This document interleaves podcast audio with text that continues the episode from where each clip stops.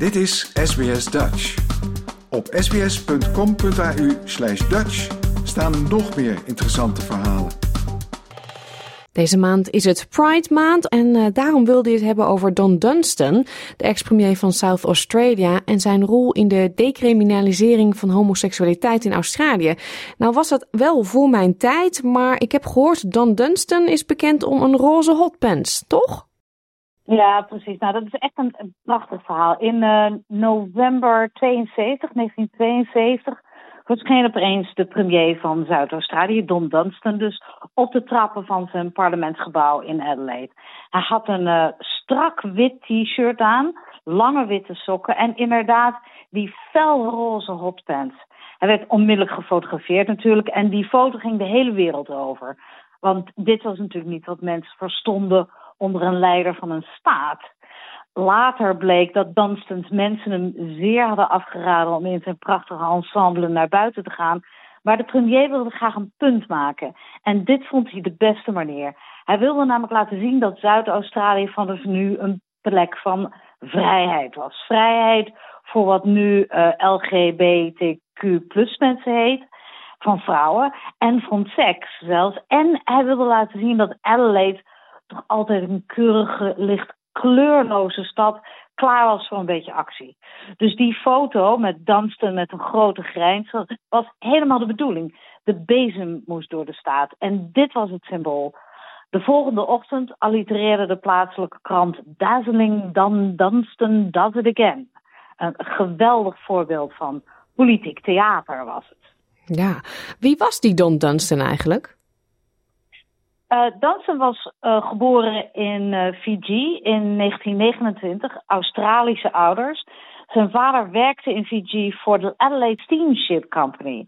En een van de meest vormende ervaringen van de jonge Dan was het enorme verschil dat er op het eiland bestond tussen hemzelf en zijn niet-witte vrienden. Don ging naar een hele goede school, waar zijn ouders trouwens geen schoolgeld voor hoefden te betalen. Zoonde in een prachtig huis, hoorde bij de elite vooral eigenlijk doordat ze wit waren. Zijn niet-witte vrienden werden gediscrimineerd en mochten van alles niet. Don vond dat zelfs als jonge jongen lastig. Ook al omdat hij uit familieverhalen wist dat de Dunstans ooit aan de andere kant van die kloof hadden gestaan.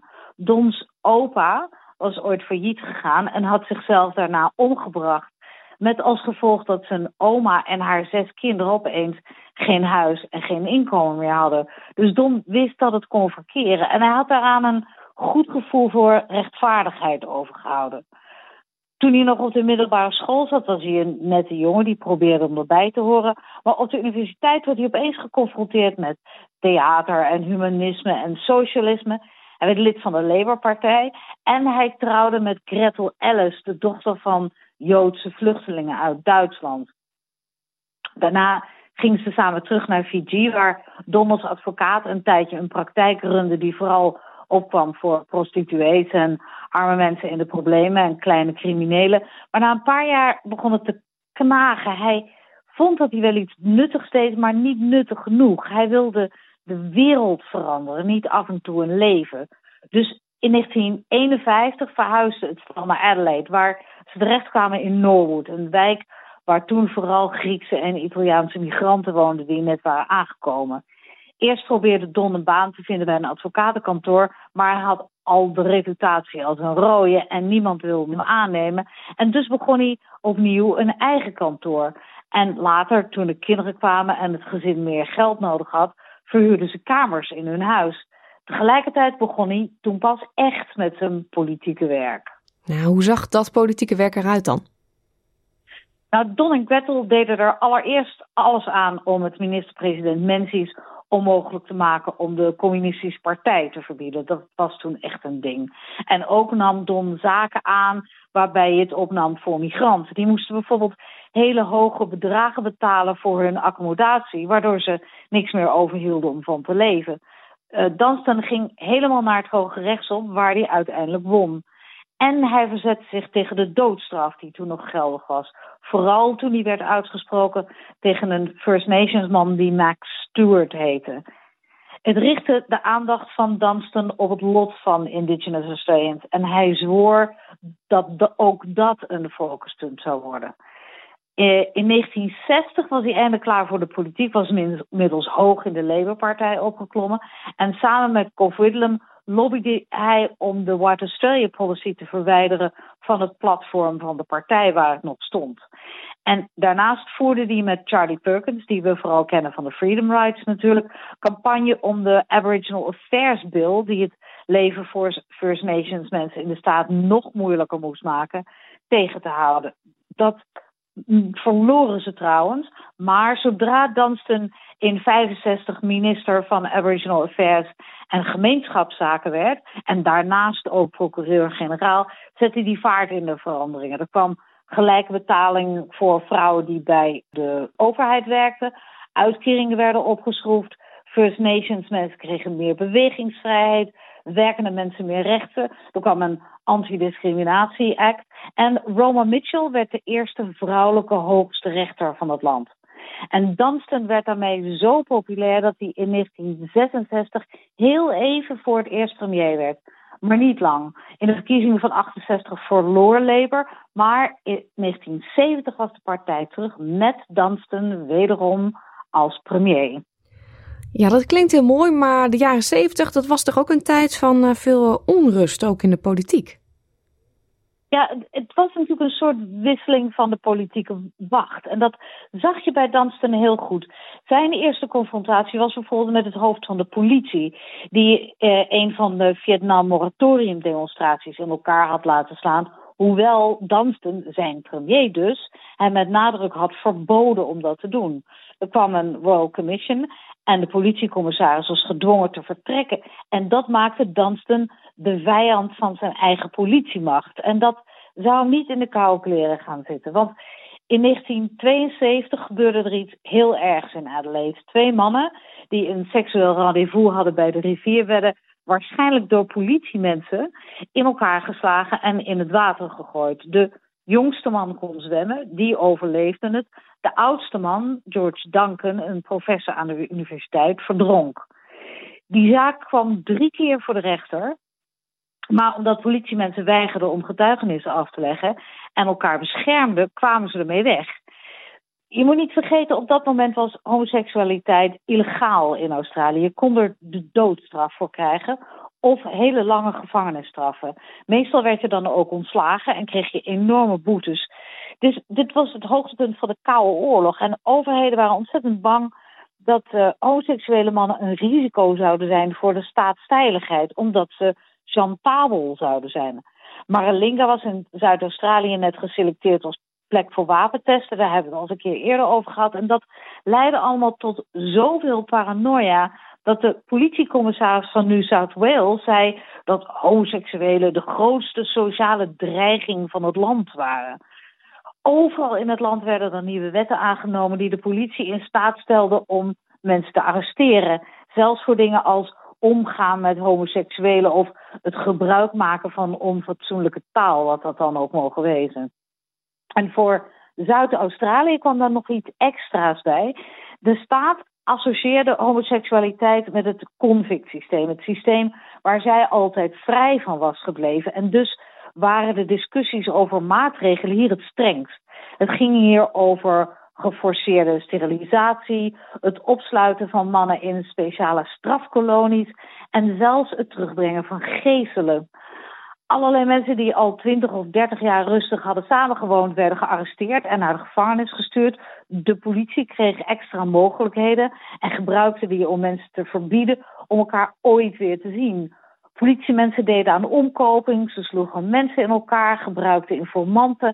Allemaal gesteund door dat klimaat waarin het, medisch, uh, het blad The Lancet bijvoorbeeld, toch meestal heel genuanceerd, voorstelde om het homoseksuele deel van het brein, waarvan ze toen nog dachten dat het bestond, te verwijderen. Vooral omdat dat beter was dan castratie. Dat was ethisch niet zo handig. Jeetje, jeetje. Ik moet even bijkomen van wat je allemaal zegt. Um, wat deed Don Dunstan daaraan? Als uh, procureur-generaal had Dunstan te maken gehad voordat hij premier was met de zaak van twee mannen die zichzelf hadden opgehangen nadat ze door de politie van alles en nog wat werden beschuldigd. En hij was een goede vriend van John Tasker, de directeur van de Zuid-Australië Theatre Company. Die was ontslagen omdat hij samenwoonde met zijn vriend.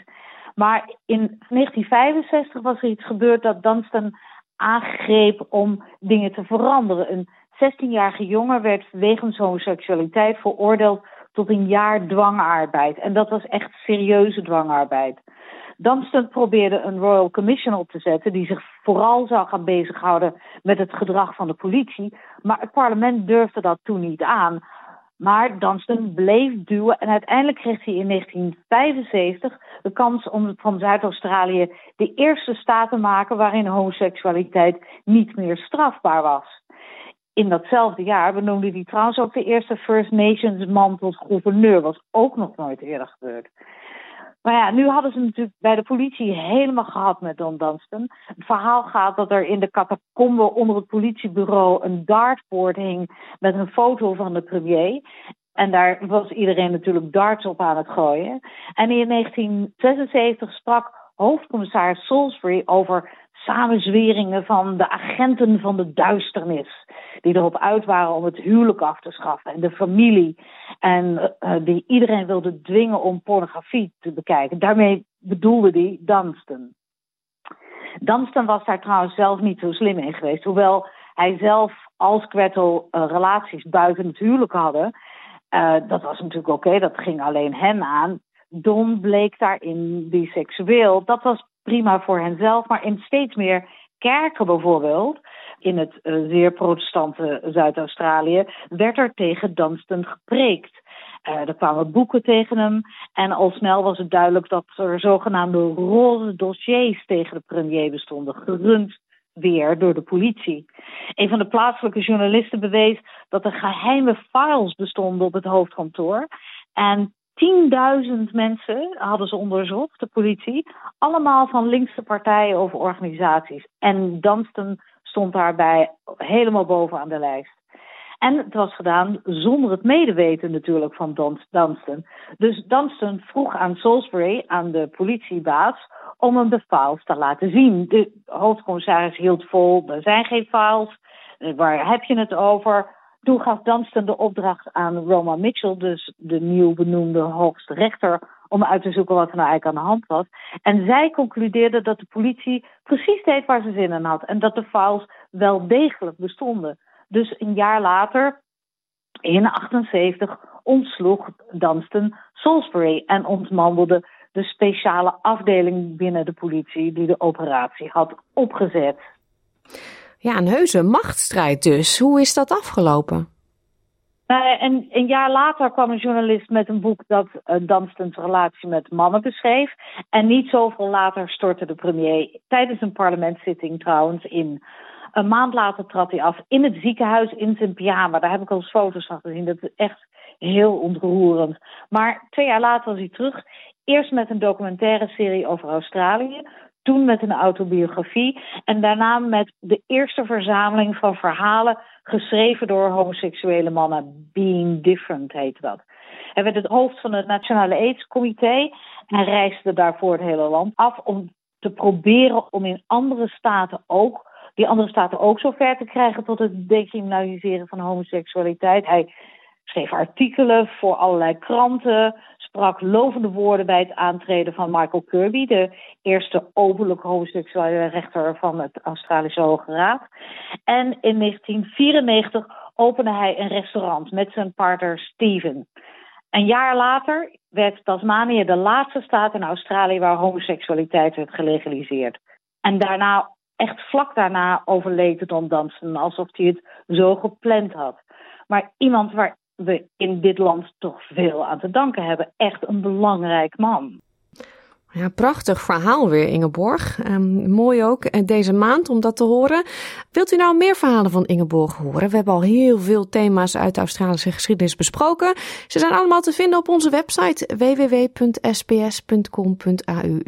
Dutch. Dankjewel. Graag gedaan. Wil je nog meer soortgelijke verhalen? Luister via Apple Podcasts, Google Podcasts, Spotify of waar je je podcasts dan ook vandaan haalt.